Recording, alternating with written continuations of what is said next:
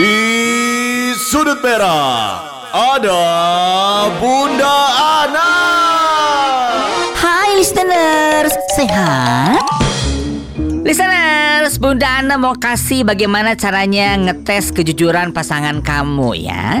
Yang pertama, tunda waktu buat balas chat doi. Yang kedua, menghilang seharian. Yang ketiga, chat pasangan kamu terus bilang sayang gitu ya. Nah yang keempat, kalau dibalas sama pasangan kamu, chat lagi deh. Ada yang mau aku omongin. Sebenarnya aku tahu semuanya loh. Sekarang kamu jujur aja deh, cerita sama aku. Nah yang kelima, lihat deh respon dia, mendua atau setia, ya kan?